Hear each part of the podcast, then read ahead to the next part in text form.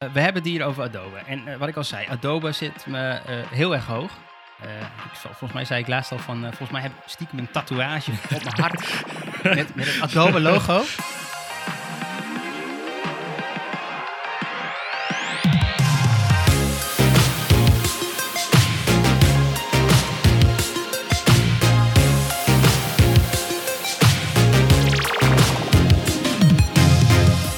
Welkom bij de Pixel Paranoia podcast. Ik ben Mikelle en samen met mijn co-host Rick gaan we alles behandelen rondom UX, UI en front-end development. En in deze aflevering gaan we het een beetje anders aanpakken. Dan gaan namelijk heerlijk ranten. ja. Uh, nee, nee, we dachten van we hebben wel wat meningen over dingen. En uh, het leek ons wel leuk om meer een uh, opinieachtige aflevering te maken. Dus we hebben daar een aantal onderwerpen voor gekozen. En nou, die gaan we straks in de main behandelen. Gaan we helemaal afbranden. Ehm, ja, helemaal afbranden, inderdaad. Ja. Maar dan gaan we eerst naar de site. Uh, ja, yes. Um, mijn site, ik heb twee dingen die ik wel heel tof vind, uh, die ik tegenkwam, die binnenkort uh, beschikbaar zijn in eigenlijk alle main browsers. Ehm, Chrome, Firefox en Safari. Sommige zijn al in een deel van de browsers beschikbaar, sommige komen binnenkort. de eerste is dat de uh, focus styling. Dus als je zeg maar met je toetsenbord door een website heen gaat en je hebt verder geen specifieke styling daarop toegevoegd, dan krijg je in Firefox krijg je zo'n gestippeld lijntje om, om het geselecteerde element heen. En in Chrome is dat een, een uh, nou was het eerst een roze rand, dacht ik, of zo, of iets blauwigs of zo. Ik dacht blauwig. Ja, ja een blauwe glow een beetje. Hangt af van je, van je uh, settings van je PC volgens mij. Die van mij is roze. Wauw. Um, Anyway, die hebben ze laatst aangepast naar zwart. Um, waardoor oh uh, als je daar niks mee doet, je eigenlijk volgens mij direct van de klant wel feedback krijgt. Kan die zwarte rand ook weg? Uh, ja. Als ik ergens op klik, want overal komen opeens zwarte randen omheen, om uh, inputvelden en om buttons en, en you name it. Maar um, vanaf de volgende versie van Chrome, als het goed is, en Firefox heeft het al, is de standaard user agent styling van, de, van het focus ja, focus element, wil ik zeggen, verplaatst naar uh, dubbele punt focus visible.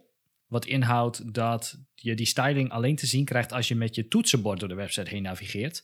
Kijk. En niet meer als je met je muis door de website heen gaat. Dus als je gewoon dat is wel een uh, goede verbetering.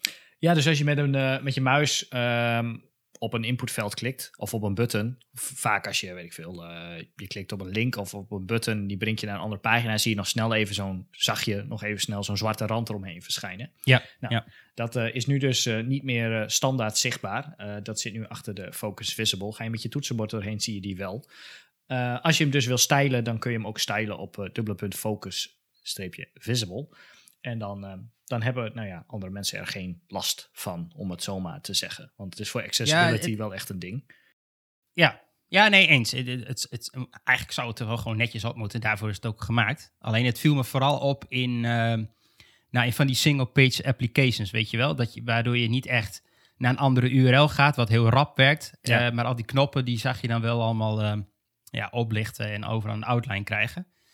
En ik weet dat iedereen heel erg panisch altijd uh, als een van de eerste dingen uh, outline non, hassen, ze flats, alles eraf. ja, daar hebben ze ook een hele mooie website voor, outline outlinenon.com. Ah, check. Waarin uh, in caps lock staat waarom je dat niet moet doen. Ja. Omdat als je dat verwijdert, volgens mij ook je aangeeft bij screenreaders dat het element helemaal geen focus kan hebben. En dus is het element niet meer focusable en dus wordt hij geskipt. Ik weet niet of dat bij alle, alle screenreaders zo is, maar bij een deel volgens mij wel. Dus die zou je eigenlijk inderdaad nooit moeten, uh, nooit moeten verwijderen. En als je werkt aan een website die moet voldoen aan de WCAG, WCAG uh, richtlijnen, dan moet je het sowieso uh, netjes doen. Dus dat was de eerste.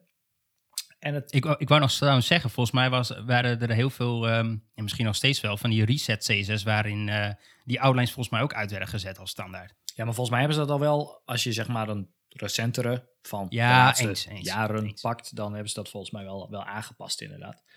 Uh, het tweede wat ik tegenkwam is de aangepaste versie van de not selector. Dus dubbele punt not, die je kunt gebruiken om uh, in CSS bepaalde dingen te selecteren, maar niet uh, nou ja, als hij aan niks voorwaarden voldoet. Um, bijvoorbeeld een P die geen class heeft. Of eh, ja, een, een P die een bepaalde class eh, niet heeft. Ja, Of, ja. of P's juist die... Nou ja, je, je snapt Ja, je kan beide kanten op. Ja, nou, die kun je dus nu, die hebben ze uitgebreid. Eh, en dat zit al wel in alle versies van de, van de browsers. Je kunt daar nu een soort donut scope, zoals ze het online noemen, gebruiken. Waarbij je dus bepaalde eh, ehm, elementen, de, par- de parent van bepaalde elementen kunt selecteren. Dus normaal had je met CSS altijd, en dan had je niet de mogelijkheid om ja, eigenlijk de parent te selecteren. Ja. Ehm, en nu kun je met die not selector kun je bijvoorbeeld selecteren. Stel je hebt een article en in dat article heb je eh, verschillende p-tags. En je hebt ook een blokquote daarin zitten met daarin een, ook een p-tag. Eh, dan kun je nu aanzeggen van hey, selecteer het article en de p, not. En dan eh, tussen haakjes blokquote p. Ja, ja precies. Als hij, als hij in, voorkomt in een blokquote. Ja, dan moet je hem niet pakken. Dan pakt hij Ja. alles daar omheen, binnen je artikel wel, maar binnen de blokquote weer niet. En eh, nou, dat kan best handig zijn eh, voor, Ja, dat is echt rete handig. voor bepaalde situaties. Ja, Dus dat, dat zijn wel echt al een aantal situaties in, in het verleden waar ik al tegenaan ben gelopen waarin dat heel handig was geweest. Ik had eh, vandaag een situatie waarbij ik alle headings op de website moest selecteren, behalve de headings in een bepaalde, eh, ja, in een bepaald artikel. Dus eh, daar heb ik dit voor gebruikt. En it works wonders. Dus dat is chill. Ja, heel nice. Dat was, Ja, het zijn wel mooie toevoegingen. Dat maakt het weer allemaal een stuk makkelijker en beter. Ja, en het chillen is wel dat ehm, het gaat steeds, het, komen, het komt steeds sneller, zeg maar. Want we hebben, nou ja, Edge is nu Chromium. Je hebt Chrome, Firefox en Safari hupt er soms wat achteraan. Ja, Eh, die, ja. die hinkt, zeg maar. Soms, soms, sommige dingen hebben ze al wel, die andere browsers weer niet hebben, maar eh, meestal hinkelen ze wat achteraan. Maar gelukkig hebben we niet meer te maken met heel erg veel eh, engines die eh, bepaalde dingen moeten ondersteunen. Nee, eens. Eens. Oké. Eh, ja, mijn aside is eigenlijk gewoon een rant. Oh. Want eh, op het moment dat wij dit opnemen, eh, is de Belastingdienst soort van al een week bezig om het een en ander te fixen. Ja, ze zijn eh, vanaf vandaag zou het toch weer een soort van up and running moeten zijn. Ja, ja Als volgens mij is, ook. Ehm, ja. Anyway, zoals iedereen weet, vanaf 1 maart mag je altijd elk jaar je belastingaangifte doen. Mag. Mag inderdaad. kan, kan is het tweede. En nou op zich, weet je, eh, ik heb al eh, ehm, eh, menig tegen mij horen zeggen... ja, maar dat weet je is elk jaar zo. Elk jaar is het drama. Ja, oké, sure. Elk jaar is het drama. Maar waar ik me vooral aan stoorde dit jaar... was de hele communicatie rondom die storing. En als we het dan toch over UX hebben... en de gebruiksvriendelijkheid van dingen... dan moet je ook gewoon helder zijn in je communicatie. Want ik kwam dus regelmatig op de website, want ik wilde heel graag gewoon iets checken. Ik heb net een huis gekocht. Eh, ik heb recht op uh, hypotheekrenteaftrek. Het wordt nu een hele financiële podcast, Ja. maar, maar niet uit. uh, ik ben vanzelf even gewoon benieuwd, wat, wat kan ik daarvan terugkrijgen? Dus ik was nieuwsgierig en ik dacht van, nou, ik ga inloggen. En er stond er eerst een berichtje, geloof ik, van iets van... Uh, nou, het is wel heel druk, dus we hebben... Uh, het kan zijn dat je niet in kan loggen en probeer het op een ander tijdstip weer.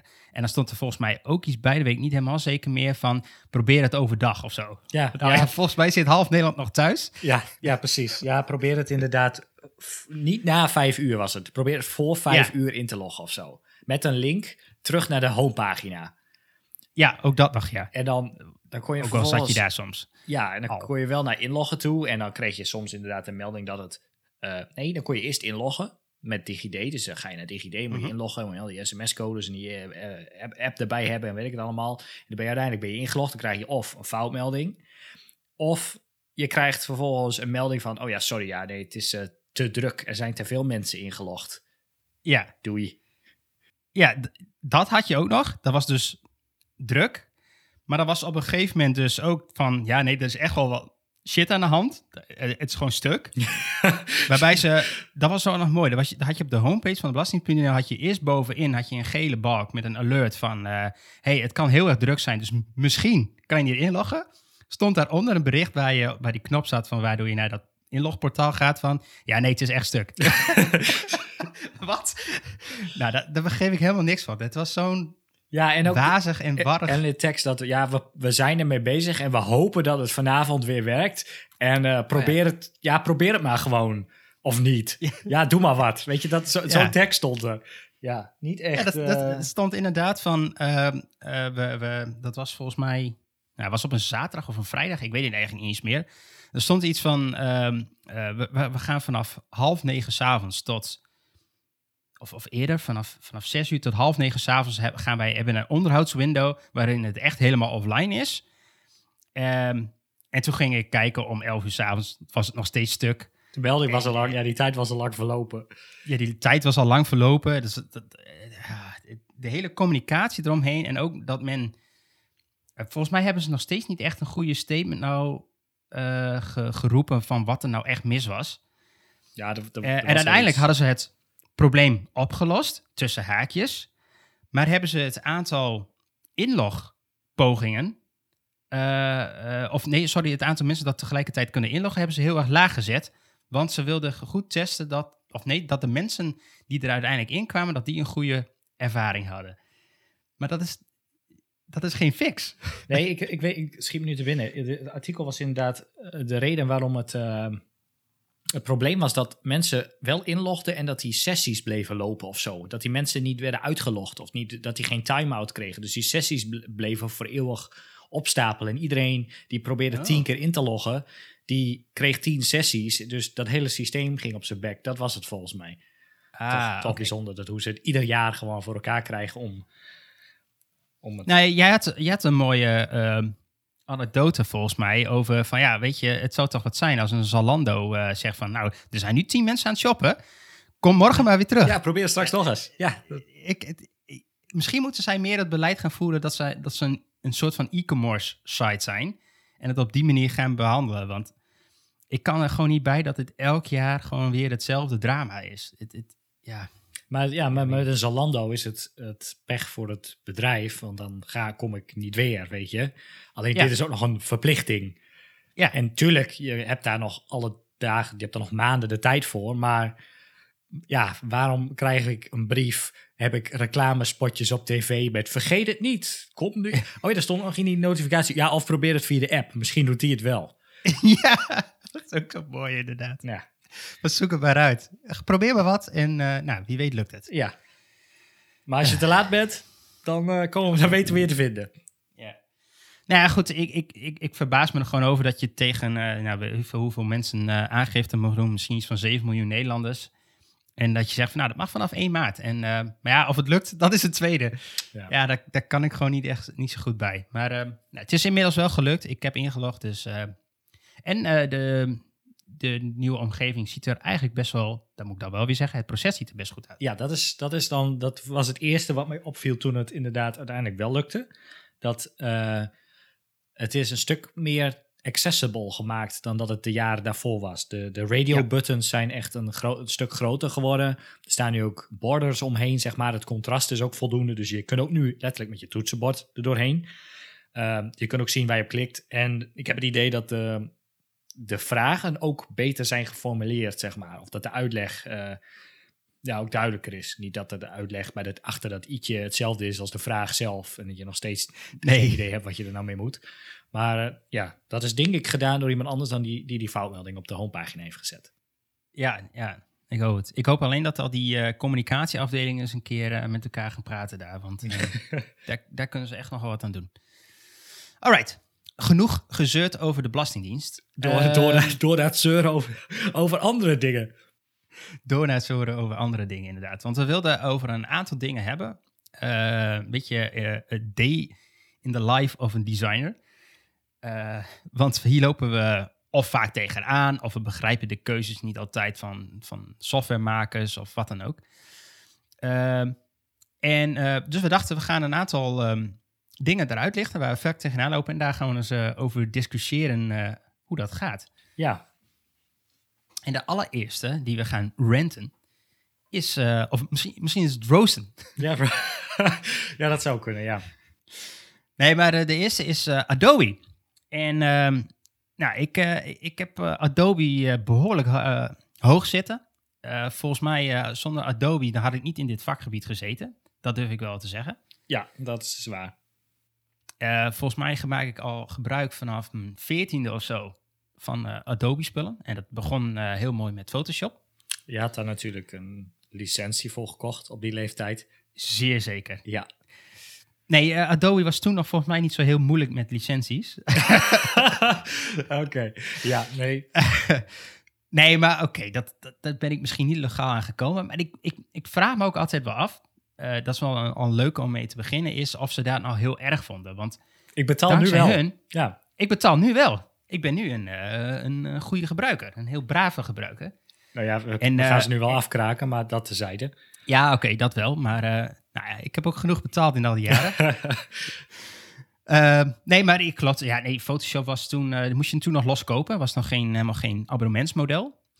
En ehm, nou, ik geloof bij mijn eerste baan heb ik wel die prijzen voorbij zien komen. Volgens mij was Photoshop iets van 900 euro, zoiets. ja, ik dacht dat we 16... Ja, eh, toen ik... Ja, ligt eraan of je, of, je, een- of je de hele suite wilde. Dus met Illustrator en... Ja, we hadden die Creative Suite volgens mij met InDesign, Illustrator en Photoshop voor 1600 Ja. euro of zo. Ja, klopt. Die was, die was duurder, ja. ja. Maar, en het, het grappige was dat de... Of nee, niet grappig, dat is natuurlijk wel slim. Maar de individuele pakketten waren duurder als je die allemaal los kocht. Ja, ja, ja. Dus je kon op een gegeven moment gewoon beter de hele suite kopen. Dan was je goedkoper uit. Mhm. Maar goed, in, eh, in Photoshop is het allemaal begonnen. En dat was toen eigenlijk eh, ja, gewoon een topprogramma. Dat, ik, ik had er toen niet zoveel op aan te merken. En er was ook gewoon niks beters. Ehm, Hij had Coral Draw en zo, maar dat is een sidestep die we niet gaan maken. nee, maar ik denk ook niet dat dat beter is. Nee, nee, nee, zo niet. Of, of GIMP. Eh, ja, nee, true. Ehm, en op een gegeven moment, weet ik nog, ehm, kwam er Adobe Fireworks. Maar volgens mij was ehm, toen was Adobe en Macromedia waren nog twee bedrijven. Of niet? Dat zou best kunnen, dat weet ik niet zeker. En Adobe eh, heeft volgens mij Macromedia overgenomen, waardoor het...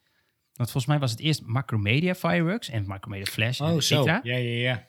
En volgens mij heeft Adobe dat toen overgenomen en toen was het allemaal eh, van Adobe. Hmm. Nou, in ieder geval, we hebben in Firefox toen nog wat gedaan. En het voordeel daarvan was, is dat het ehm, eh, vector-based was al en niet meer pixels. Ja, Ehm, en het zat ook al wat dingetjes in als ehm, wat je nu ook in de huidige sketch en Figma's hebt, eh, is dat je afstanden volgens mij tussen elementen kon zien makkelijk. ja. En dat, dat had Photoshop allemaal niet. Ik weet nog dat ik in Photoshop altijd vierkantjes ging tekenen met een aantal pixels. En Ja. dan wist ik, ah, Ja, die precies. ertussen Ja, past. ja, ja. Rood, rood vierkantje hier ertussen, rood vierkantje Ja. daar ertussen. Oh, nee, hij moet iets verder naar links.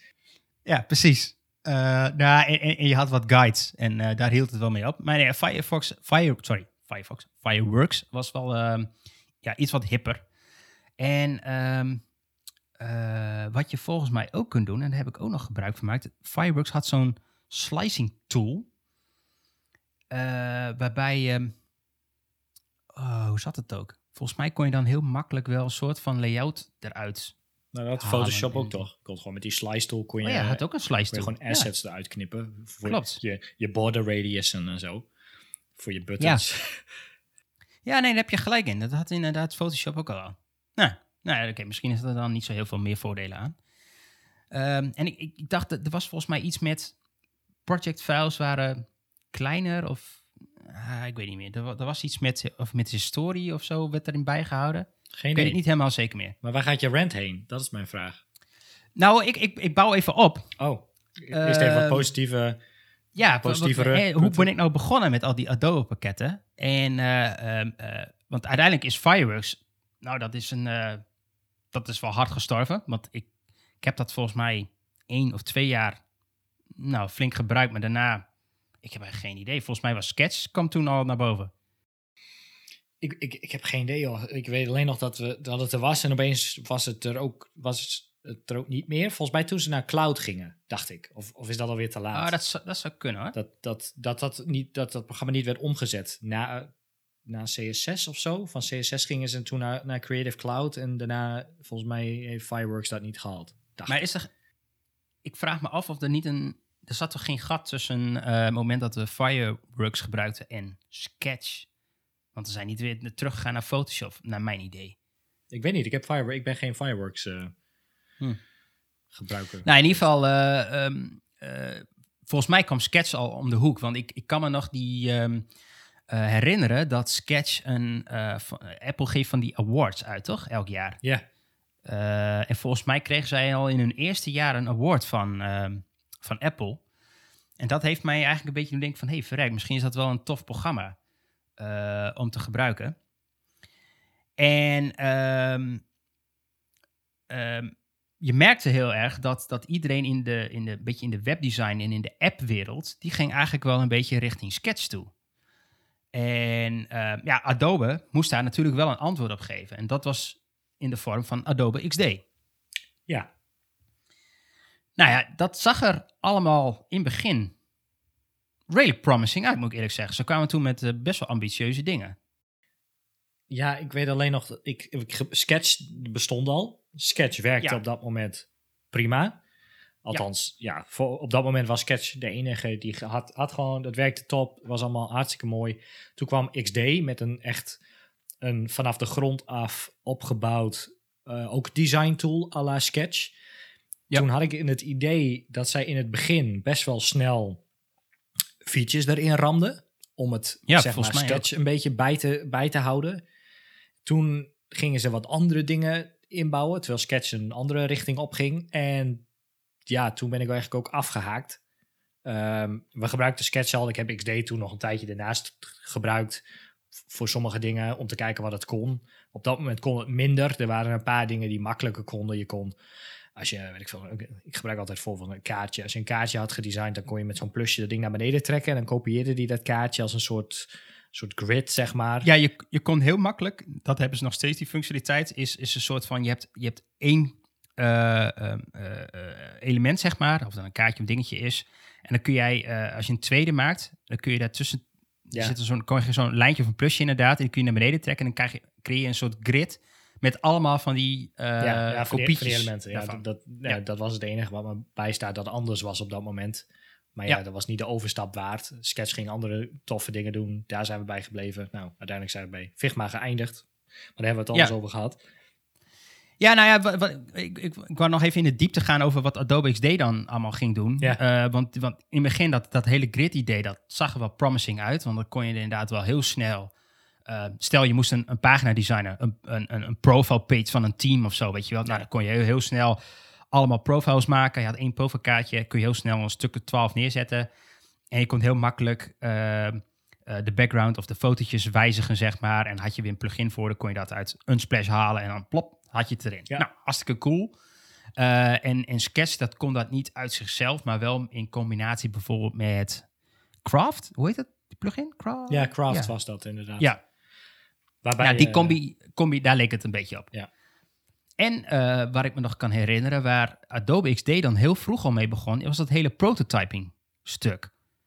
Dat hadden zij in het begin behoorlijk goed voor elkaar, want Sketch had dat niet. Nee, klopt. Klopt. Sketch kon je wel eh, je design bekijken op mobiel. Dan had je een soort Ja, dat, mir Mirror dat mirroring, functie. dat werkte goed. Dat werkte, Ja. dat werkte prima. Maar je had inderdaad geen eh, echte prototyping om pages aan elkaar te linken. Dat, dat kwam er later wel, maar in het begin inderdaad niet. En geen animaties daartussen en dat soort dingen. Nee, en dat, dat had Adobe XD wel. En dat, dat heeft me eigenlijk een beetje... eh dacht, oh, vrek, ik moet Adobe XD gebruiken. En ik ben dat dus gaan gebruiken. Ik heb daar een aantal projecten mee gedaan. En eh, ik heb nu heel erg spijt dat ik dat ooit gedaan heb.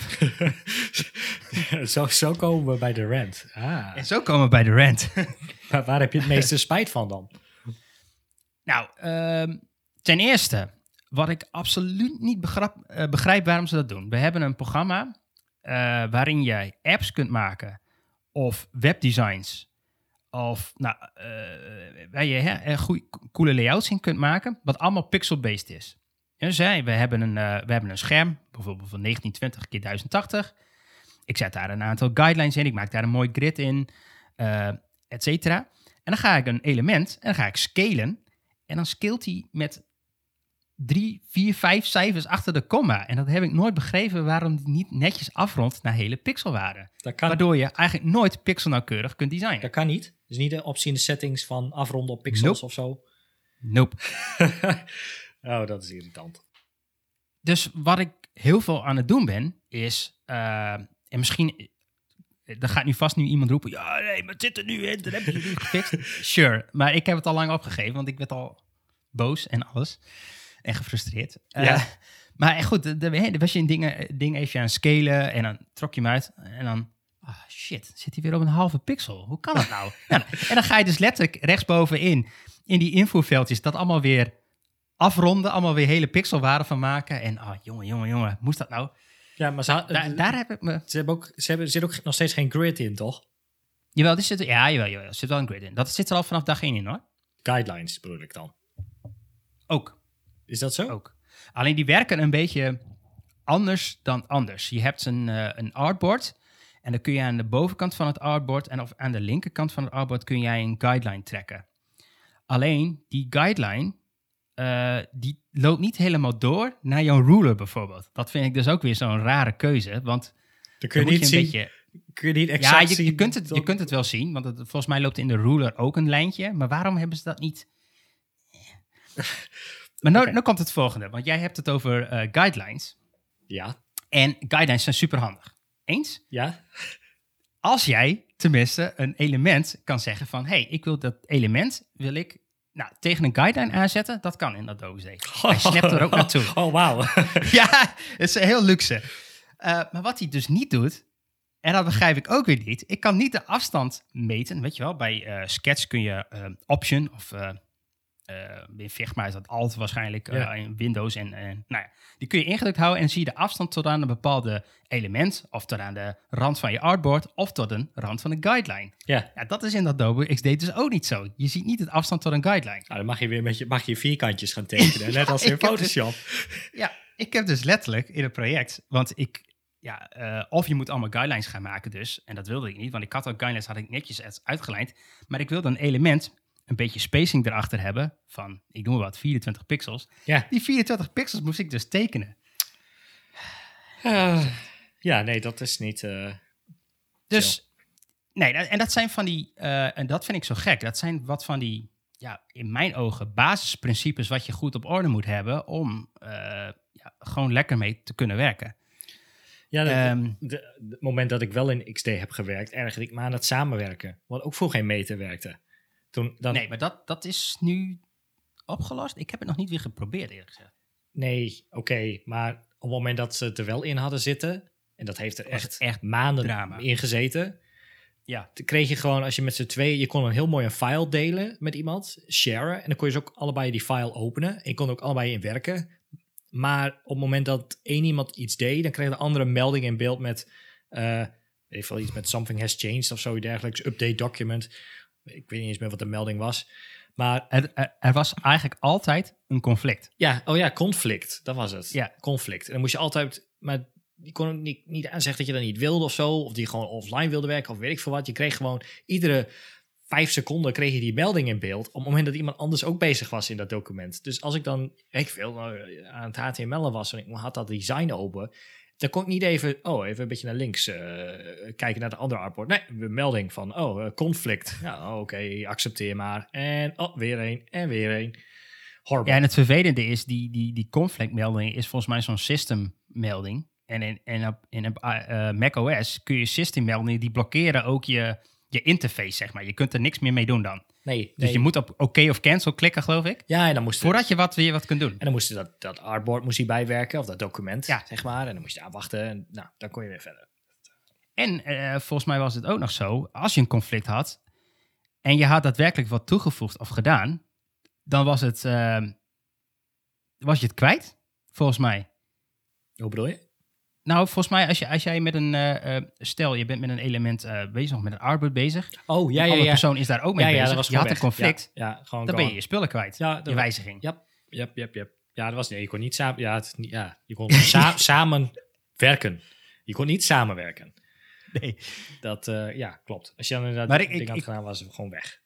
Ja, de- en dan is het ook weer bijzonder. Hè? We hadden het net over bij Belastingdienst over communicatie. Zij hebben met alle bombardie geroepen van... je kunt nu samenwerken in Adobe XD. Iedereen was van, oh, awesome, want Sketch kan dit niet.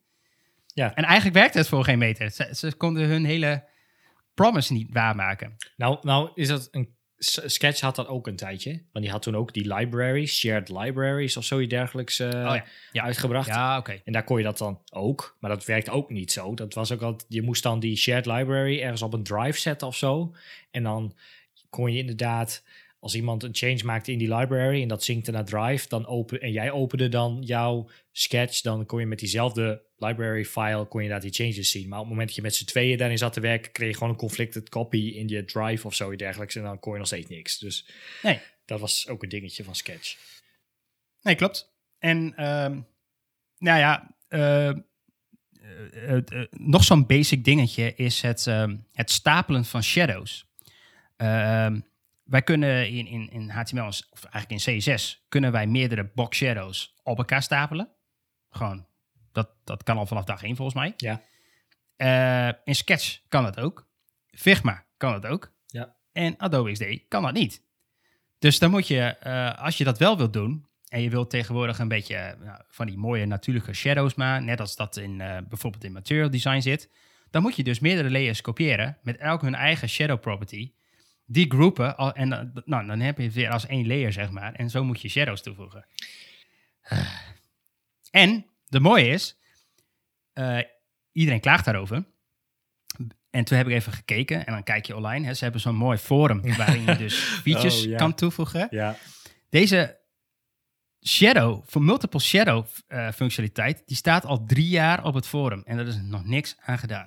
Nee, je kunt ook sorteren op, op meest requested features. En dan echt gewoon, gewoon wekelijks posten mensen dan plus één, plus één. Ja. En dan, ja, het is gewoon iemand die er iets mee doet. Ik heb geen idee wat ze daar aan het doen zijn. Maar ik, ik vrees dat XD op termijn misschien wel een, ook een soort dood gaat, eh tegemoet, Maar tegemoet eh, gaat. Dan, dan de vraag aan jou. Eh, we hebben het hier over Adobe. En wat ik al zei, Adobe zit me heel erg hoog. Eh, ik, volgens mij zei ik laatst al van, eh, volgens mij heb ik stiekem een tatoeage op mijn hart met, met het Adobe logo. Hoe kan het, het grootste bedrijf eh, op aarde, wat, wat, wat design tools maakt, dit verprutsen? Met, met, met zoveel budget, dat, daar kan ik niet bij. Nee, als je dan kijkt hoe Figma ontstaan is, die hadden volgens mij in het begin helemaal niet zoveel ontwikkelaars of, of developers of mensen in dienst. Ze hebben inmiddels best wel een groot bedrijf volgens mij. Maar eh, ja, ik, ik weet het niet. En ook toen ze dus aankondigden eh, dat om, het- dat om Adobe eh, XD vanaf de grond af helemaal nieuw, weet je, we stappen af van Photoshop, we gaan helemaal eh, nieuw, nieuw, nieuw. En dan, ja, is, ik weet het niet. Ik weet het niet. Ik vind het, eh, ik vind het heel bijzonder. En, en wat ik dan ook niet helemaal begrijp. en, en nou, misschien komt het ook wel omdat het zo'n oud bedrijf is. Maar dan kijk je over die hele eh, Adobe suite heen nu. Hè. We hebben nu Creative Cloud.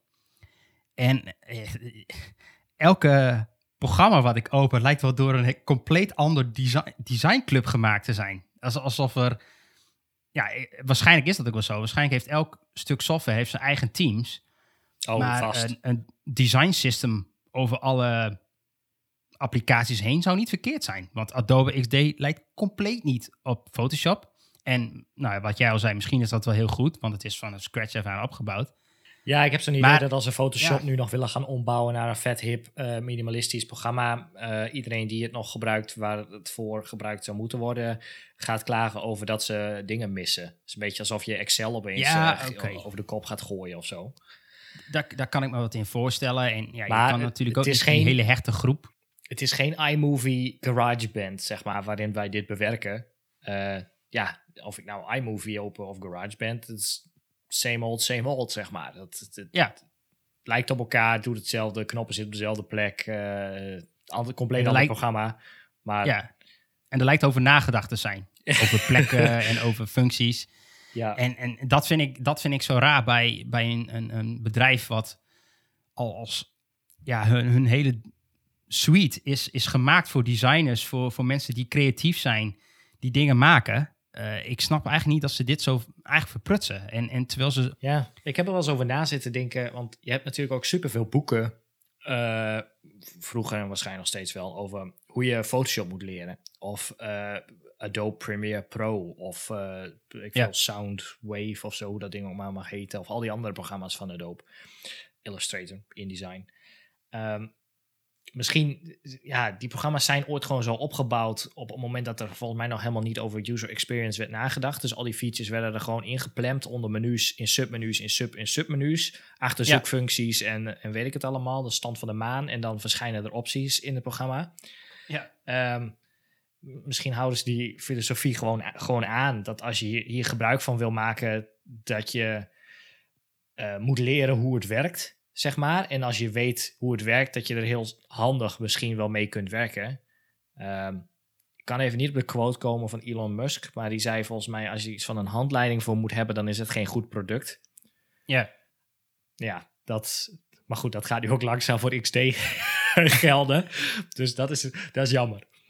Ja, nou ja, ik, ik, ik, ik snap dan niet. ehm, eh, ja, ik, ik, ik, ik volg gewoon niet zo goed waarin, waarin zij zoveel budget hebben. Want nou, ik weet dat er ontzettend veel bedrijven zijn die gewoon nu zo'n Creative eh, Cloud eh, abonnement hebben. Met een, eh, een, een, een stel van die softwarepakketten in. Dus dat moet echt met bakken met geld daar binnen stromen. Ja. Dus dat, dat, dat is, kan niet het issue zijn. Nee, ieder, en- bedrijf, hele- ieder bedrijf heeft inderdaad gewoon zo'n licentie. Die kost ja, 100 euro is plus per maand. Het, het is ook een, een super slim model dat ze hier naar overgestapt zijn. Want eh, ik gebruik enkele programma's incidenteel. Ja, Maar ik betaal wel voor de volle, volle suite. ja, ja nee, true. Elke maand weer. Ja, nee, maar dat, dat is ook een van de grote kritieken toen ze naar CC gingen. Dat Ja, aan de ene ja. kant is het handig. Je kunt maandelijks ja, opzeggen en dat soort dingen doen. In plaats van dat je 1800 euro moet lappen voor Photoshop. Of eh, voor de hele suite. Maar goed. Ja. Ja, en je zit niet meer met, met hè, dingen. Volgens mij had je dat toen ook. Ik weet het niet zeker meer met updates en zo. Volgens Eh, mij waren er nog updates, moest je ook voor betalen. Nou, je ging, je ging van CS4, 5, 6, et cetera, toch? Ja, klopt. Maar ja, daar zat soms maar een jaar tussen. Ja. En dan eh, moest je ineens, voor ik veel, van 7 naar 8 bijvoorbeeld. En dan nou, kon je je portemonnee even trekken. Ja, ja, ja, precies. De quote is trouwens: Dat- Any product that needs a manual to work is broken. Oh ja, Ja, dat, dat soort programma's maken ze wel. En ik, ik snap, hè, ze hebben ontzettend veel legacy. En er zijn heel veel mensen die daar dagelijks gebruik van maken. Alleen, ehm, nou, bij Adobe XD hadden ze toch echt wel de kans om het goed te doen. En, en, daar verprutsen ze het dan. En ja, dat, dat snap ik dan niet helemaal. Ja, bijzonder. Ja, ja dat, dat, dat brengt me dan een beetje bij dat Creative Cloud bedoeling. eh, dat het model slim is. Alleen die Creative Cloud Suite Manager geval, programma, Ja, ja. is ook gewoon zo'n verschrikking. Ja. Dat, dat is zo'n, als je dat dan installeert, dan installeer je, je wil gewoon Photoshop, XD en al dat soort dingen. Nou, dan krijg je er gelijk, eh, weet ik wel allemaal bij van Adobe. Ja, je hele applicatie, je hele eh, folder op je Mac in ieder geval zit gelijk vol met eh, van alles nog wat. Eentje Ja. daarvan is de Creative Cloud, Adobe Creative Cloud, zie ik. Ik dacht dat het een manager was of zo. Maar dat programma, daarmee ja, kun je de updates doorvoeren van je geïnstalleerde programma's. En je kunt uit je gekozen ehm, abonnement ook andere programma's installeren. Maar als je ooit eh, je MacBook gebruikt terwijl die niet aan de lader eh, hangt. En je klikt dus op je batterij. Of je denkt na een half uur, goh, is mijn batterij nu alweer bijna leeg. Dan ehm, zul je al snel zien dat daar staat high energy usage, Adobe Cloud. Terwijl dat ding gewoon, ik, God knows wat aan het doen is. Fonts aan het zinken, files aan het zinken, niks aan het doen, updates binnentrekken. Maar ook al heb je ieder programma gesloten, je kunt het ding ook niet killen, zeg maar. Je, het- hij draait gewoon niet, als sluit je hem in je menubalk, het ding blijft daar gewoon staan, de Creative Cloud. Helper of zo. Dus ja, de- hij gebruikt echt superveel stroom. Ook zo'n ding, als je erop zoekt, iedereen heeft er last van, wordt niks mee gedaan. Dat, Ze hebben dat ding ook helemaal vol geklapt. Ik, zie, ik heb hem nu open, maar hij zit ook helemaal vol. En het, eigenlijk draait het alleen maar om die updates van die applicaties, zou ik zeggen. Maar ja, er zit van alles in. Je zit stokfoto's in, beta-apps. Je krijgt ook hele irritante notificaties van. Ik heb ooit eens een keer eh, aangevinkt dat ik mee wilde doen met een UX-challenge op ehm, Behance of zo. Volgens Ja. krijg ik iedere keer van die notificaties in dat programma. Eh, in dat Creative Cloud Managed ding, bij dat eh, belletje. Ja, Dat die, no way dat ik die wegkreeg. Dan moet je ook in de instellingen moet je dan uitzetten dat je, dat je dat niet wil. Maar dan blijft dat rode bolletje blijft daar staan. En eh, nou, dat. En hij is ook altijd aan het laden, zeg maar. Dat- vandaag moest ik, wilde ik Premiere Pro installeren omdat ik een videootje moest bewerken. Ik dacht, nou, installeer ik dat ding. Nou, wit scherm. Something's wrong. Loading. It's taking a very long time. Nou, weet je, en dan try rebooting your PC. Denk, ja, laat me zitten. Ja. Helemaal geen zin in. En dat file sync, dat, heeft, dat werkt trouwens ook gewoon soms. Je kunt ook in dat Creative Cloud kun je ook files synken, Ja, zeg ja, maar. Dan kun je ja. opslaan. Nou, dat werkte, volgens mij werkt het nu redelijk, maar in het begin werkte dat ook voor geen meter. Als je dan tussen twee PC's dingen wilde synken, dan kwamen die files ook nooit over. Dit is, dit is wel eigenlijk precies wat nu mij eh, het meeste stoort aan, aan al die Adobe-applicaties. Ze zijn allemaal zo traag als stront. ja. Ze zijn niet performant. Ehm, ik, zit, ik, heb, ik heb nu die, die, die, nou, die, die- dat, dat Adobe Cloud Manager ding eh, voor me. En ik scroll erin en het gaat haperig. En ik snap het niet. Ik, ik, ik, geen idee wat die lui aan het doen zijn. Maar het, het gaat niet de goede kant op. Ze zijn wel bezig met een M1 optimized versie van Photoshop en zo, dacht ik. Zo'n native ding voor die nieuwe MacBooks. Ja, Maar- ja, ja, ja. Geen, Maar heb je recent toch Photoshop geopend? Ja, ik klik altijd. Ik heb die icoontjes in mijn balk staan en die staat naast mijn browser. Vraag me niet waarom. Misschien moet ik hem, ja, misschien moet ik hem maar eens gaan verplaatsen. Maar het, eh, ik klik nog wel eens meerdere keren per week per ongeluk daarop. En dan is iedere keer, god, nee. En dan begint dat ding te springen. En dan begint dat startscherm en al die assets worden geladen. En dan, dan probeer je dat ding te killen, maar dat, dat werkt dan ook niet. En dan, nou, dan start hij op en dan sluit hij gelijk weer. En dan krijg je een melding van, oh, eh, hij is Ja, ik, ik maak dus eh, de, de, de artwork van eh, onze podcast eh, zit hierin. En elke keer maken we daar een plaatje voor. Dat zit in, in Photoshop. En, eh, maar dan heb je, dat is, dat is eigenlijk een heel simpel bestandje. Er zit, zit, zitten maar vijf lagen in of zo. Maar de- gewoon ook dat, dat zoomen dan en dat, dat lagen bewegen. En alles gaat zo, zo traag. En het is niet meer de Photoshop waar ik vroeger zoveel passie in had en, en lekker aan Misschien zijn we ook was. verwend, hè? Misschien, misschien, zijn, Oh ja, ja, misschien vast. was het gewoon toen ook al traag, maar ja, werkte het gewoon en wisten we niet beter. En nu we Ja, dat- alternatieven dat hebben, lijkt alles opeens... Neem je weg dat het gewoon... Maar eh, ja, ik, ik merk gewoon dat nou, mijn liefde voor, voor Adobe, dat, dat is wel aan het wegkwijnen, om het maar zo te zeggen. Ja, die tatoeage, die krijg je niet weer weg. Nee, helaas niet. Oh. Alright, nou, genoeg over ehm, Adobe. En dan hebben we nu nog... Oh, dit is, Ook dit is zo'n pracht. Dit is zo'n prachtig. Ook zo'n Eh. ook zo'n zo'n pareltje van een bedrijf die ook ontiegelijk veel geld heeft. Ja. Ga, ga je gang, ga los. Microsoft Teams. Yes. Ja, dat is ook weer zo'n programma. We gebruikten altijd Slack bij verschillende klanten, opdrachtgevende bedrijven. En nou, dat, dat werkte prima. Slack, dat was eigenlijk gewoon een Chrome browser, maar goed. Dat werkte.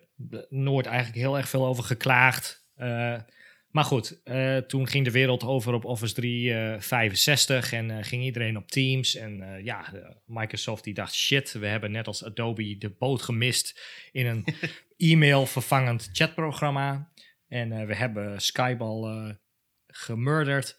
Laten we De Skype al, drie keer geprobeerd opnieuw in leven te houden. Ja, precies. Laten we Microsoft Teams bouwen. Ja. Wat eigenlijk gewoon een soort veredelde SharePoint is, volgens mij. Maar goed, eh, ja, het is ook zo'n programma die gebruikt. Ja, ik heb nu een nieuwere MacBook, een 2000, zo'n 16-inch ding. Ik had hiervoor een eh 13-inch 2015 met 16 gigram. Als ik daarop videobelconferentie met meer dan twee mensen ging doen, dan kon ik gewoon de, als een soort Hans Kazan de stand onder mijn laptop weghalen en dan bleef die gewoon staan. Weet je? Dat, ik, kon, ik, kon, gewoon niks meer doen. Ik, normaal wil ik nog wel eens notuleren of zo tijdens een vergadering, maar ik kon niet. Ik kon alleen maar of kijken of eh, het beeld gewoon uitzetten, want er was, was geen doen. Teams. En eh, nou ja, hij is, ik vind hem ook traag. Het is gewoon Ja. Eh, Ja. voornamelijk eh, soms gewoon het meest random momenten als je aan het typen bent. Gewoon in het venster ben je aan het typen. En dan alsof je pc van vroeger vastliep, zeg maar. Dan in één keer vrp, verschijnt Ja. opeens de tekst die je getypt hebt. En dan zijn dan fixes voor door in de settings hardware acceleration uit te zetten. En weet ik het allemaal. Ja, dat zijn ook allemaal geen, geen fixes. Ehm, ja, wat heb ik nog meer? Dus even kijken. Meerdere keren per dag als je wisselt naar Teams. En ik moet even erbij zeggen, dit is wel op een Mac. Ehm, Misschien Ja, zijn we ja. een beetje biased Ja, dat dit eh, niet... eh, misschien werkt het op Windows wel helemaal geweldig. volgens, volgens mij is het op Windows, maar dat weet ik niet zeker. Maar ook gewoon een Electron app, toch? Ik, eh, ik heb geen idee. Ik, heb, ik zit er op een Mac. wel. Ja, ja, nee. Maar meerdere keren per dag als ik wissel naar Teams, dan heb ik gewoon een wit scherm. Gewoon, gewoon, gewoon niks. Ja. Gewoon niks zien. Je kunt ook wachten tot je in ons weegt. Doet niks. Moet je gewoon command Q, Teams erop starten, loading schermpje. En dan ben je er weer. Ehm, wat nog meer? Ja. Als je op de meest random momenten aan het bellen bent en je hangt op en je drukt op play, dan gaat opeens de beltoon gaat gewoon af. Alsof je, alsof je iemand aan het bellen bent, zeg maar. En dan, ja, dan schrik je helemaal de pleuris. Dus dan, je, je hebt geen idee of hij daadwerkelijk, of het alleen het geluidje afspeelt, of dat hij ook iemand aan het bellen is. Dus dan Ja, komt daar, command Q je moet mij heel denk ik snel. even de, de situatie erbij. Want dit gebeurt me dus ontzettend vaak. Het ding is, ik, ik ben eh, lekker aan het werk. Ik heb muziekje aan, Spotify aan. Lekker bezig. Een collega van mij, die belt mij op. Dus ik druk op mijn toetsenbord, pause en hij pauzeert Spotify. It's all good. Je hebt een telefoongesprek. Eh, nou, je bent klaar. Je hangt op. En dan denk je, ah, druk weer op play. Pop. en dan gaat het ringtone af in Ja. Teams. Ja, alsof je en aan dan het denk bellen je bent. van, hè? Ben ik nou iemand per ongeluk aan het bellen? Wat, wat is dit nou? En, en je kijkt overal. Je ziet nergens in Teams niet dat er iets af aan het gaan is. Je ziet geen notificaties. Het, en de eerste reactie is dat je denkt van... oh shit, ik ben iemand per ongeluk aan het bellen. Ja. Want het is ja, die standaard ringtone die ook overgaat die als je iemand beltoon. belt. Ja, Ja, dat, eh, wa- waarschijnlijk gebruiken zij ehm, een van de API waarin zij dat geluid dan op die manier ook behandelen. Net als dat andere apps dat doen. ja dus heel snel de command ringtone- Q, command Q. Want ja, straks bel je toch echt iemand. Alsof je zeg maar die, die SOS-knop op je iPhone aan indrukt. En hang je- heb je opeens 1 en 2 aan de lijn. Ja. Dat wil je ook niet. Dus, eh, dus dat is nog zo'n dingetje. Oh ja, en dat hij soms als je wordt gebeld en je hebt je Spotify niet aanstaan, je Spotify opeens wel muziek gaat afspelen. Ook nog zo'n hinderlijk, hinderlijk ding. Dan neem je de Hmm. telefoon op en opeens begint, Oh ja, ja, ja. begint mijn Spotify af te spelen dwars door dat gesprek heen. Heb ik ook al gehad. Ja. Eh, notificaties. Nog zo'n ding. Oh, Waarom gebruikt Teams geen native notificaties? Maar moet hij daar gewoon zijn eigen fucking ding voor gebruiken? Ja, Dus, dus als jij in je, in je Mac, je zet hem op Do Not Disturb, eh, dat is leuk. Maar die Teams notificaties, die komen gewoon rustig binnen. ja, die trekt zich daar helemaal niks van aan. Dus dat is heel irritant. Ja, wat verder nog? Missende functionaliteiten. Waarom eh, heb ik op mijn telefoon meer functies dan dat ik op de web of op de ja, web of op de gewoon de app-versie, ja. desktop-versie heb? Ik kan niet reageren op berichten bijvoorbeeld. Wat, wat is gewoon een fucking meest basic functionaliteit die ik in een chat-app wil. Want nu zit je met meerdere mensen in zo'n chatgesprek en dan wil je ergens op reageren en dan dat kan niet. Dan moet je telefoon pakken om dan daarop te reageren voor één bericht. En dan weer verder te gaan op je Ja, desktop-app. Maar dan kom ik weer gelijk bij nog een punt. Als je, hij sync- synchroniseert die berichten gewoon de helft van de tijd ook niet. Als ik op mijn telefoon zeg maar aan het typen ben in een chat... en ik heb dezelfde chat open op mijn desktop... dan zie ik die berichten daar soms, soms niet. Dus je hebt voert ja, twee halve gesprekken, zeg maar... als je op iemand aan het reageren bent op je telefoon... want daar kan dat wel. Kom je terug op je pc, mis je het halve gesprek... moet je van venster wisselen of Teams afsluiten... en opnieuw opstarten en dan is hij Ja. weer bij. Het is... Ja, en ik heb dus de helft van de tijd, daar ben ik dus eh, met iemand aan het chatten. Of ik zit in een, in een kanaal, ben ik dan aan het chatten. Eh, dan ben ik, ga ik weer even, eh, dan heb ik op mijn ene scherm zeg maar Teams gewoon open. Een ander scherm ben ik dan weer even aan het werk. En ik denk dat ik dan out of focus ben. Maar dan krijg ik dus al die meldingen op mijn telefoon wel binnen. Ja, En dan kijk ik op mijn telefoon. Oh ja, dat is Teams. En terwijl ik denk, ja, ik heb Teams gewoon fucking open. Doe normaal. Ik hoef die meldingen niet. krijg mailtjes. Je collega's proberen je Oh ja, te als je lang niet reageert, dan krijg je ook nog een mailtje. Terwijl het venster fucking open staat, inderdaad. Ja, Nou, en, wat jij net al zei, dus die, dat zo'n reply-functie, wat ik dan niet begrijp, en, en, en dat baffelt mij echt sinds, sinds dag één dat we Teams hebben, is er komen dus wel andere features in de applicatie waarvan ik denk van, Waar in hemelsnaam is hier iemand mee bezig geweest? En heeft hij niet fucking die reply-functie gebouwd? Ja, ik, ik kwam wel eens We later. kunnen nu wel gezellig met elkaar in een auditorium zitten. Ja, ja, dat. Ja. Maar je kunt ook eh, eh, aandeelinformatie nu in, de, in een channel laten posten. Oh ja, ja. En je kunt eh, een, een, poll, Erg een poll doen. Nou, oké, daar, daar, daar zie ik dan nut nog wat van in. Maar hoi, ook dat die gifjes, als je nou, die gifjes hebben nog steeds het verkeerde aspectratio in, de, in die preview, in dat preview venstertje, weet je. Die zijn allemaal zo in elkaar geprakt, omdat iemand vergeten is om, om object fit cover aan te zetten of zo bij, dat, bij die preview.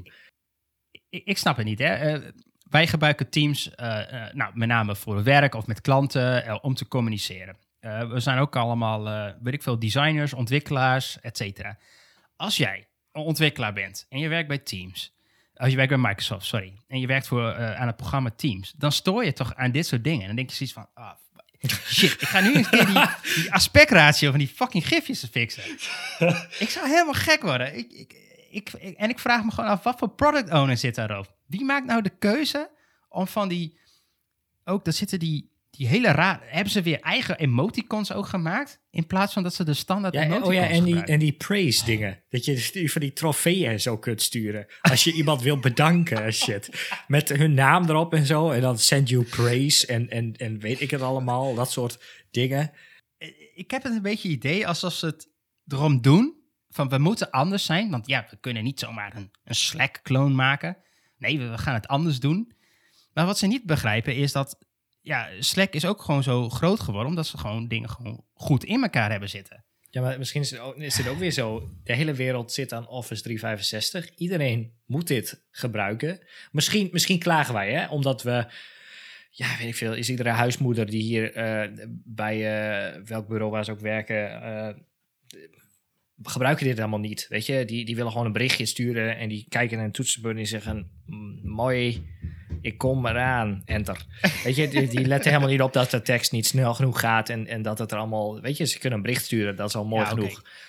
Maar ja, misschien is dat wel dan de, de lat inderdaad. Maar het is wel heel laag. het is wel laag, ja. En zeker voor een programma wat zo immens populair is geworden dankzij eh, de coronacrisis. Ja, Ja. Ik, ik- als ik Microsoft was ik full-blown, eh, zet iedereen op, te- op, op Teams, eh, iedereen de schouders eronder. We gaan er gewoon een epische applicatie van maken. Ik, ik kreeg deze week wel een, een, een geredesignde Teams. eh ja, opeens. ja. opeens zag mijn Teams er anders uit. Zeg maar, dark mode was nu echt darkish. Met outlines van icoontjes in plaats van gevulde icoontjes en dat soort Ja. dingen. Ja, ja, ziet er. Maar wederom is dat dus belangrijker dan de reply-functie op desktop. Ja. Ook, ook Teams heeft een forum waar je kunt stemmen op features. En ook daar doen ze er helemaal niks mee. ja. Oh ja, waarom kan je niet tussen, waarom kun je niet inloggen in meerdere organisaties tegelijk in Teams? Zeg maar dat je gewoon kunt wisselen tussen, net als Slack, dat je van die, eh, Ja. eh, hoe heet die dingen, Nou, dat- groups of zo, eh, Slack dingen. Dat, dat werkt nu soort van, maar je bent eigenlijk niet... Als je switcht, dan ben je offline bij die andere, geloof ik. Je kunt niet in twee tegelijk in ieder geval. Dat is onmogelijk in Microsoft-wereld. ja, precies. Dus je kunt niet even snel als je voor twee ik heb organisaties eh, werkt. eh, van collega's gehoord dat die dan een browser in, in private mode draaien en Ja, dan daar ja. nieuwe organisaties. Ja, en als, ja, als je me echt nodig hebt, dan moet je me even bellen hoor. Want ik zit niet de hele tijd in mijn. Ik heb niet de hele tijd mijn browser openstaan. Oh. Nou ja, en, en eh, nou, d- d- dat is, we praten nu eigenlijk nog eh, het meeste over die, die, dat hele chatgedeelte. Maar dan hebben we nog het hele Teams gedeelte. Hè, dus je kunt Teams aanmaken. Ja, Eh, daarin heb je dan snapt ook niemand. Teams. kanalen. Heb, zit je in mijn kom in mijn Teams. In mijn Teams, team, maak even nieuwe Teams aan. Ik zit al in Teams. En dan nee, je hebt Teams binnen Nou, Teams. Ja, dat, dat, dat is wat ik dus niet snap. Waarom, ze hebben ervoor waarom hebben ze gekozen voor dat jij een chat kunt maken... waar je ook met meerdere mensen kunt chatten... wat dus eigenlijk een soort van kanaal is. Dan kun je ook een team aanmaken. In dat team kun je kanalen maken. Alleen daar werkt het als je op elkaar wil reageren... als een soort forum. En niet als een soort chat. Ja, Ik snap daar echt niks van. nee, nee, eens. En, en, en in, in die teams eh, maak je dus eh, een, een conversatie aan. En daarop kun je replyen. Maar iedereen, ik merk al vanaf, vanaf dag één, iedereen heeft zoiets van, hoe werkt dit nou eigenlijk? Moet ik nou een nieuwe conversation maken? Of reply ik nou op, ieder, op, op iemand zijn conversation? Dus wat krijg je nu? Want iedereen is gewoon lui. Ja. Ehm, Eén iemand heeft eh, een conversation aangemaakt, een nieuw kanaal gemaakt. Eh, die persoon zegt, nou, welkom iedereen. En dan zegt iedereen replied daaronder, gewoon, gewoon alles maar door. En dat gaat over allerlei topics. Ja. Dus die hele functionaliteit van conversation slaat helemaal nergens meer op. Nee, ik, zit even, ik heb even de Microsoft Teams User Feedback Form erbij gepakt. Ehm, de most requested feature momenteel, met 42.000 upvotes, is reply to a message in de desktop app. Met als eerste bericht van 8 november 2016. of iemand dat ook kan bouwen. En er wordt nog steeds op gereageerd of we dit nog... eh, de tweede requested May- feature... maybe in the next sprint, in the next release, maybe. Ja, de tweede request is met 33.000 votes. I want to use multiple Teams accounts at the same time. Yep. Nou ja, dat soort dingen. Er is nog eh, een compact modus. eh, is nog een wens. Eh, ability to archive channels. Kan ook niet, dus. Nee, die, je, je, je, groeit eh, en, en, en dat is eh, nou, in een bedrijf waar wij dan werken. We hebben ontzettend veel projecten en opdrachten en klanten. En elke keer maken we weer nieuwe teams aan, nieuwe chatkanalen. Het is één wildgroei aan, aan bende. En ik merk ook, eh, ik kom in steeds meer teams terecht. Want wat, wat wij eigenlijk een beetje doen voor elke klant of project, eh, creëren we een nieuw team. En dat is ook wel logisch. Hè? Dan krijg je een beetje een gefocust gebiedje. Ja, Maar ja, na, na een aantal jaar eh, is dat zo uit de klauw- kluiten gewassen dat je, dat je ja, dat kan eh, zomaar ergens in een team wat geroepen worden. Ik zie je niet meer. Ik, ik- nee, ik heb ook weer helft van die dingen ja, gem- gemute. En, en overal zie je dat het dan bold is als er wel in gereageerd is. ja, maar je krijgt geen notificatie daarvan. Nee, Dus, het is ehm, een drama. Iemand zei laatst al tegen mij van, ja, je moet even, even all eh, roepen, of general, of weet ik veel hoe die, eh, het kanaal Ja. dan heet. En dan roep je iedereen, dan krijgen ze allemaal een notificatie. En toen dacht ik aan mezelf van, eh, dit, dit, dit is toch niet hoe het zou moeten werken? Nee, dit, dit- wat ik ook heb is dat hele chat eh, tabblad, zeg maar. Da- Daar staan dus chats in van één op één gesprekken, maar ook de chats Ja. die die standaard aanmaakt als je belt met een groep mensen, dan komt daar ook een chat in te staan. En je hebt dus ook eh, je, ja, een soort groepchat kun je maken of een chat met meerdere mensen. Alleen, ja, ik, ben nu maar gewoon allemaal dingen maar gaan pinnen bovenaan. Ik, ik heb iets van 15 gepinde chats of zo, omdat ik die dingen nooit weer terug kan vinden Nee, eh, in die linker sidebar. Want als je zeg maar één middagje belletjes hebt met mensen dan, en je hebt niks gepind, dan is die groepschat die je had met een paar collega's, die staat al eh, drie keer scrollen onderaan, zeg maar. Ja. Ja, en wat, wat een beetje raar is ook met die eh, groepchat. Je kan dus een, een, een chat maken, ehm, meerdere mensen uitnodigen. En dat wordt dan een groepschat. Dan heb je ook nog, eh, maak je een, een, een meeting aan met meerdere mensen. Dan is dat een andere type chat. Ja, ja, ja, precies. Dat is een ander type chat, ja. En dan, eh, wat ook nog kan, want dat is dus een meeting die je in je agenda hebt gereserveerd, et cetera. Ik kan ook nog jou bellen, iemand uitnodigen, en dat is weer een andere soort chat. Ja. Oh, en eh, ja, laat maar. Ik, ik kan gewoon hier nog wel een uur over doorgaan. Maar ook bestanden delen. Dan deel je bestanden in een chat. Met, Ja, ja. met Slack had je gewoon een overzicht met dit is- zijn alle bestanden die in deze chat gedeeld zijn. En dan kun je opzoeken en weet ik het allemaal. Dat bestaat ook allemaal niet. Je Ja. kunt ook geen dingen opslaan of zo. Jawel, je, je, kunt, je kunt dingen opslaan, favoriten, die je dan volgens dus nergens terug kunt vinden. Dan moet je namelijk slash favorites of zo, of saved, moet je boven in de zoekbalk van Teams typen. En dan krijg je Oh, alle opgeslagen berichten te zien. Ja, het, je verzint het niet. Oh, mag je ook wel Ik- een ik- handleiding voor hebben. Ja, nee, ik, ik merkte wat ik laatst ook een keer had. En dat, dat vind ik dus ook een beetje eh, raar. Ik, ik, wat ik een beetje bijzonder vind, ik ben helemaal niet... Of ik ben redelijk tech-savvy, eh, mag ik denk ik wel noemen. Ik moet mezelf een beetje een schou- een schouderklapje geven, maar... Je hebt, wel, Ehm, je hebt wel eens wat met web gedaan. Ik heb wel eens iets met, met PC's en zo gedaan. Ehm, en, en wat ik dan me verbaas, dan heb ik bijvoorbeeld, dan stuur ik iemand een bestand. En dan krijg ik de melding, ja nee, dit bestand heb je al een keer geüpload.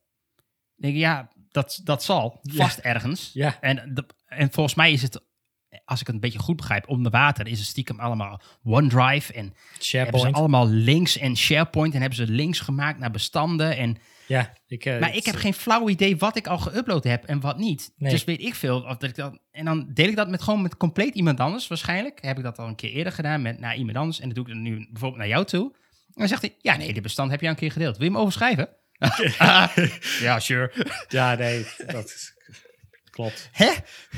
Hoe? Nee, Nou ja, goed. ja, nou, dat is, Ik- dat is Teams. Ja, dat is Teams. En, en, en het, het, het blijft gewoon gek dat dit soort grote organisaties dit soort pakketten niet op orde krijgen. Is dan, zijn ze dan te hard gegroeid of is de ambitie te hoog? Of, of zijn die andere bedrijven zoals Slack, en terwijl Slack volgens mij ook helemaal niet zo heel klein meer is, maar zijn die gewoon meer agile en, en kunnen die die zich gewoon beter aanpassen of zo? Ik, ik weet het niet. Dus, eh, ik, ja. Ja, er, er missen in ieder geval veel, eh, veel features die ik wel graag zou willen Ja. hebben. Ja. Gewoon een Eens? stabiele ding. Stabiele app. Ja. Gewoon überhaupt. Ja, en mijn, mijn volgende eh, punt. eh, TWS. Total Web Solutions.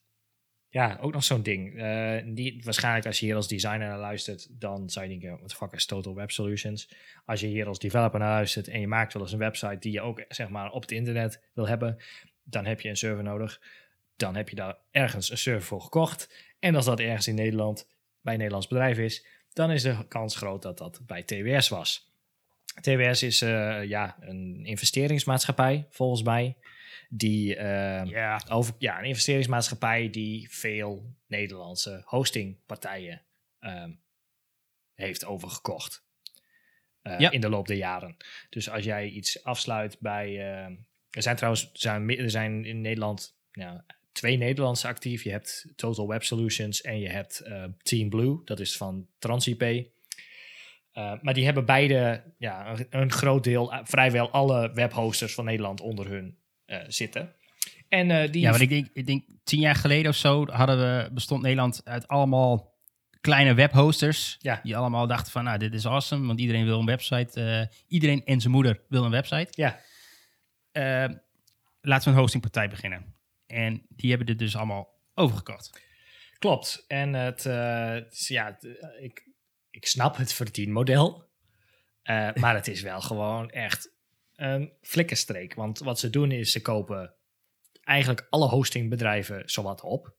Als je een beetje een hostingbedrijfje hebt en je hebt wat klanten, dan eh, zul je waarschijnlijk wel een verzoek van, van TWS krijgen of ze je mogen kopen. En nou ja, wat ze dan doen is eh, echt letterlijk nou, volgens mij kun je de, de, de klok er wel op gelijk zetten. Dat je binnen zes maanden tot een jaar eh, een mailtje krijgt met dat eh, eh, ze de pakketten over de kop gaan gooien. En dat je nu onder water minder krijgt voor meer.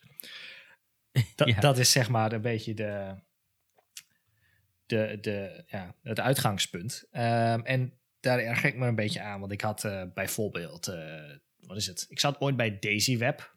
Nou, die werd overgenomen door TWS. En toen eh, gingen de prijzen gingen omhoog. Toen ben ik overgestapt naar Neostrada. Heb ik jarenlang ja, prima prijs voor hostingpakketten gehad.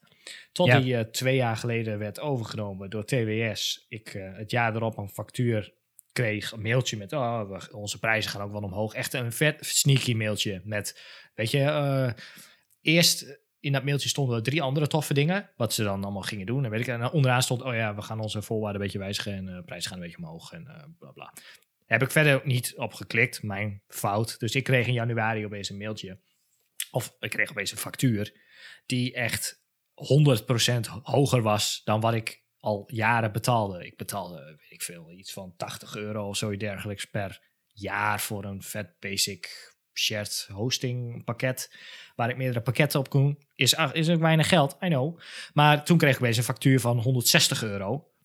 Eh en dacht ik, wow, wat fuck is dit? Dus toen heb ik gemaild. En zeggen ze, ja, nee, maar wij hebben u eh, een mailtje gestuurd met eh, op die en die datum waarin stond dat we dat gingen doen. Ik zeg, ja, zo kan ik het ook. Nou goed, toen wilden ze wel coulant zijn van, nou, we, we kunnen je pakket downgraden naar iets anders, want je gebruikt namelijk niet zoveel. Toen kostte me dat allemaal te veel tijd. Toen dacht ik, nou weet je, een beetje rondgekeken bij eigenlijk alle partijen die TWS dus al had overgenomen en de prijs al had verhoogd. Dus ik dacht, nou weet je, ik kan wel overstappen naar iets anders. Maar ja, die zijn allemaal net zo duur, dus zo so be. Ik neem mijn verlies wel. Ik eh, stuur wel een factuurtje extra. Totdat ik dit jaar weer een mailtje kreeg met... Oh, onze pakketten zijn aangepast. Het pakket dat je nu hebt, dat eh, bestaat lekker niet meer. Maar eh, we hebben nog wel dit andere pakket. En eh, ja, die is ook gewoon... eh, nou, volgens mij was het pakket wat ik op dat moment had... was nu nog 150% hoger, duurder geworden. Dus ik moest nu Ja. 250 euro gaan betalen per jaar... voor datzelfde pakket. Waar ik eerst twee jaar geleden nog 80 euro voor betaalde. Ik kreeg niks, niks meer. Echt absurd. Dus eh, nou ja, dat, toen ben ik overgestapt naar ja, een andere partij van, van, van Team Blue dan, van TransIP. Niet na TransIP, maar een partij die, die daaronder valt. Want die had namelijk, nou ja, nog wel redelijke prijzen. Ik vrees het ergste dat ik ergens dit jaar wel weer een mailtje krijg van hun dat ook alles weer omhoog gaat. En dan moet ik maar op zoek naar weer iets anders. Maar ja, daar is wel een, eh, dat is een ergernisje. Ja, nee, ik, ik, ik- heb, eh, eh, ik heb er zelf niet heel veel last van gehad, omdat ik eigenlijk al best wel lang, of ik had mijn eigen service, of ik had een, eh, een VPS. Dus nou, die prijzen die zijn eigenlijk in al die jaren niet heel erg veel veranderd. Maar ik heb het wel een beetje van de zijlijn bekeken. En ik zag ook eh, de berichten op, eh op tweakers.net bijvoorbeeld, waarin mensen echt helemaal los gingen. Ja. En ik heb echt absurde dingen daar voorbij zien komen, waarbij mensen echt wel eens het zesvoudige moesten betalen. Omdat ze toevallig net dat ene abonnementje hadden die ja, dan niet meer uit kon. En dat moest echt zes keer over de kop. En dat was echt bizar. Ik, eh, Ja, nee, mensen waren echt woest. Ja, maar ik heb, ik heb nog meerdere mailtjes gestuurd, gewoon omdat ik boos was en een beetje te steken van, eh, klopt het nou echt dat mijn prijzen 150% of dat mijn pakket 150% duurder is geworden? En dan ook gewoon nul keer, ik denk wel drie keer heb gemaild of zoiets dergelijks, eh, geen, geen reactie op dat punt, maar wel over van, eh, nee, we hebben onze service opnieuw ingericht en eh bla bla bla bla sneller SSD's en weet ik het allemaal, kosten. Ja, is allemaal wel. Ik, de lijst hier onder TWS valt Your Hosting, Versio, Savi, eh, noem even Neostrada dus, So Hosted, Argeweb, als ik dat goed uitspreek. Wat nog meer, wat hebben ze dit jaar allemaal overgenomen? Eh, Maar het, het, wat je, het probleem waar jij tegenaan bent gelopen, dat hebben dus heel veel mensen gehad. Want je zat eerst bij een, een partij. ja, Die denkt van, oh, frek, die dingen worden duurder. Eh, want het, het ding is een beetje, TWS neemt niet al die partijen in één keer over. Nee, ze, ze, ze, ze kopen elk jaar gewoon een x-aantal partijen. ja, Dus het kan maar zo zijn dat jij naar een partij switcht die volgend jaar overgenomen wordt door TWS, waardoor je het jaar daarop alsnog weer zo'n enorme factuur krijgt. Ja. En dat blijven ze maar doen. En uiteindelijk, ja, er blijven niet heel veel partijen meer over, volgens mij, die niet meer onder TWS of Team Blue vallen. Nee, ja, op Twitter zeggen mensen, ja, staat mijn eigen token wel. Dan kun je gewoon bij mij, ik ga mezelf nooit verkopen aan eh, TWS. Eh, nee, ik heb geen idee wat ze ervoor, wat ze, wat ze ervoor neerleggen, maar ehm, En, en wa- wat ik me ook kan voorstellen, weet je, ik, ik, eh, ik, ja, ik heb, weet wel een beetje wat van die hostingmarkt. En eh, die prijzen waren ook altijd wel erg laag. Ja. Dat komt ook al gewoon omdat er zoveel partijen waren. En dat was voor ons als eh, mensen die een, een, website ergens willen hosten, ja, ideaal eigenlijk. Dus misschien waren de prijzen ook wel wat laag, maar het is heel mo- moeilijk te verantwoorden dat jij in, in twee jaar tijd eh, keer drie of keer vier gaat, zeg maar, met je prijs. Dat, dat, ja, ja, dat bij, gaat er gewoon bij mensen niet in. Nou, hun, hun, hun tactiek is natuurlijk om eh, die prijzen absurd te verhogen. Want A, eh, opeens hebben ze tering veel winst. Ehm, Ja. Een deel van de, van de klanten zal weggaan. Maar ook een deel van de klanten die, ja, veel van de mensen die een website daar hebben, die hebben er helemaal geen verstand van. Weet je, die hebben zo'n pakketje gekocht en die hebben WordPress geklikt op WordPress installeren. En die, ja, hun bedrijfssite draait daarop en nou ja, dat, dat, dat kost iets. Voor de rest hebben ze er geen verstand van dat, of het duur of goedkoop is. Ehm, dus ja, die, die blijven gewoon betalen. En Ja. daar halen ze zeg maar hun, hun, hun winst van hun eh, klanten die ze mislopen eh, uit. Maar goed, op het moment dat je alle ja, eh, partijen zelf beheert, dan heb je een monopo monopolie, monopolie op de Ja. markt. En dan kun je zelf gewoon bepalen wat, wat dingen moeten kosten. Ja, ja. En in- Ja, ik ben wel benieuwd of, of, of, of dat nog verkeerd gaat, zeg maar, of niet. Of dat mensen daarover gaan naar de ACM of zo, weet je wel, en daarover klagen van, hey, dit, dit, eh, zo werkt het niet helemaal. Nee, Ja. ja, de, je, je kunt ook in het buitenland, eh, in het buitenland eh, wel gewoon dingen. Ik, had- ik had Ja. een VPS bij Digital Ocean. Ja, dat, Oh ja, dat werkte ook. Dat kostte 5 dollar per maand of zoiets dergelijks. Ja, precies. Maar goed, als, als je gewoon shit in het Nederlands wil en je wil support in het Nederlands en je wil gewoon dingen makkelijk hebben, dan ja, eindig je toch, eh, toch hier. Eh, bij Neostrada hadden ze trouwens op dat mailtje van mij gereageerd dat het kwam door de verhoging, de kostenverhoging van het eh, van C-panel. En dat was ook zo. Hadden mensen op Tweakers uitgezocht. Ja, voor de. Uber-licentie. als je zeg maar, weet ik veel hoeveel miljoen licenties afnam of zo, dan, dan kostte dat inderdaad per gebruiker een paar cent meer. Ja, Eh, maar eh, maar geen 150 procent. nee, nee, dat, zeker niet. Zeker niet. Nee, ja, klopt. Ja, ik, ben, ik ben benieuwd wat, eh, waar het naartoe gaat. Ze, ze gaan er behoorlijk hard, eh, de beide jongens eh, Team Blue en eh, TWS. En vooral, ik, ik weet niet of Team Blue ook zo agressief is met die prijzen.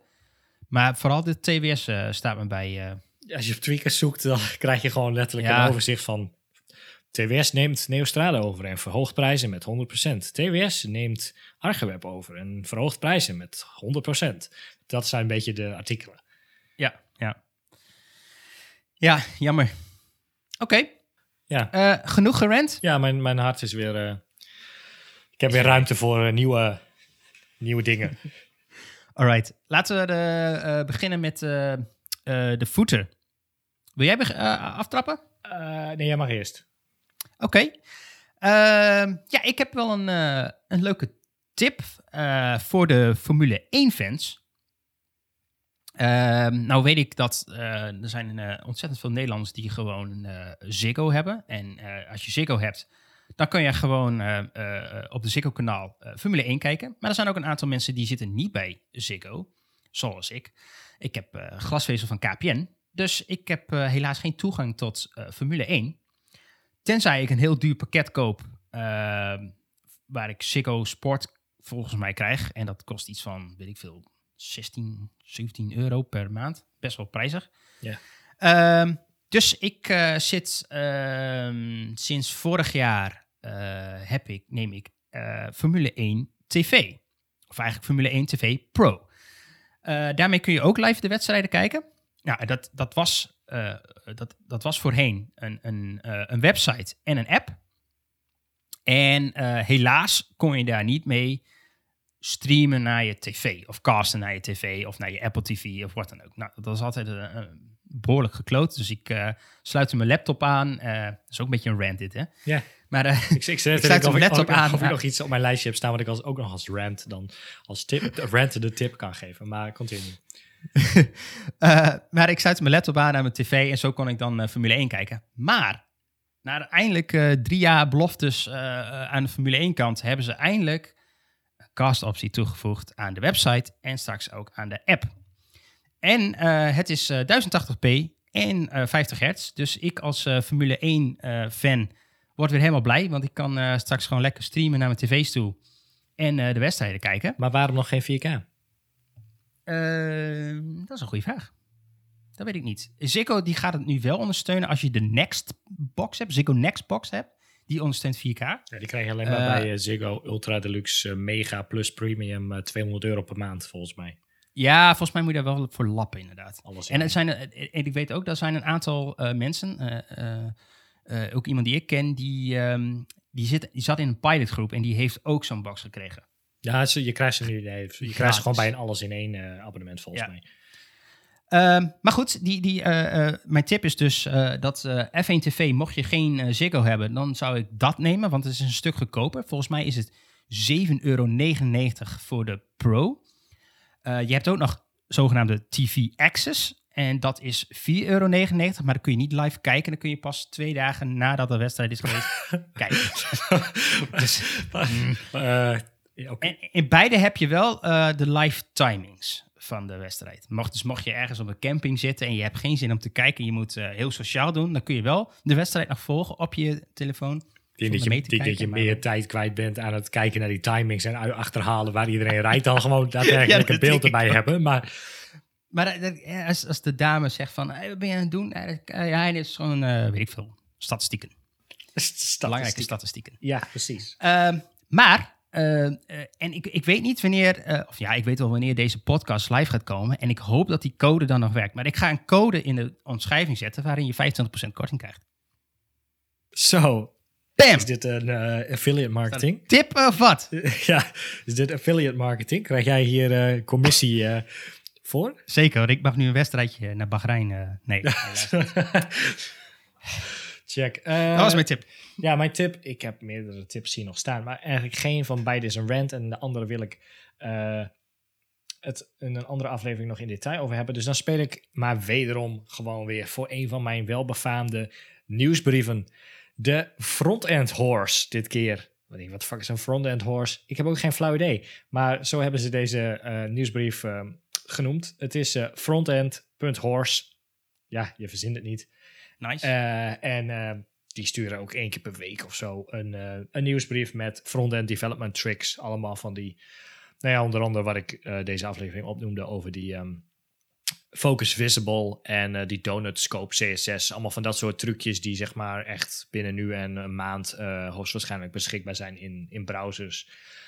En andere toffe dingetjes met GSAP scrolling en buttons en gifjes en andere coole technieken. Dus eh, Moet ik nog meer van die mails gaan lezen dus? ja, ja er, blijft, eh, er blijft weinig tijd over. Klopt. Eigenlijk moet je gewoon allemaal die dingen gaan lezen en niet meer gaan werken. Ja, maar je moet het ook toepassen. Oh, oké, vooruit. Dus, eh, Maar daar heb je haast geen tijd meer voor. nee, true. Oké, nee, cool. Ehm, en en, en ehm, eh, wel alleen maar frontend. Ja, Ja. logisch. Maar ehm, Ja, ja verronde dingen. ja, oké. oké. Nou, eh, die gaan we er weer eh, bij subscriben dan. Nice. Ja, dat, dat was hem.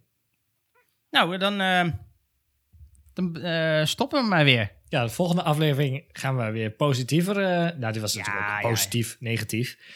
Maar eh, Ik, ik hoop dat eh, eh, de mensen van Teams en van Adobe en van TWS eh, luisteren naar ons en eh, deze tips met alle liefde meenemen. Of onze luisteraars eh, voorzien van 50% kortingscode. Dat zou ook nog wel een idee zijn. We gaan, gaan we proberen te regelen. of het lukt is een tweede. Nee, check. Nee, eh, dus eh, mocht je nog niet geabonneerd zijn op onze podcast, dan kun je dat gewoon doen in Apple Podcast of op Spotify of in Google Podcast of in elke andere favoriete podcast app. En eh, eh, wil je ons nog wat van informatie voorzien of heb je tips of wil je een keer in de aflevering eh, zitten? Ga dan naar pixelparanoia.com en naar contact en stuur ons een berichtje. Yep. Voor nu, tot ziens. Yo, laters.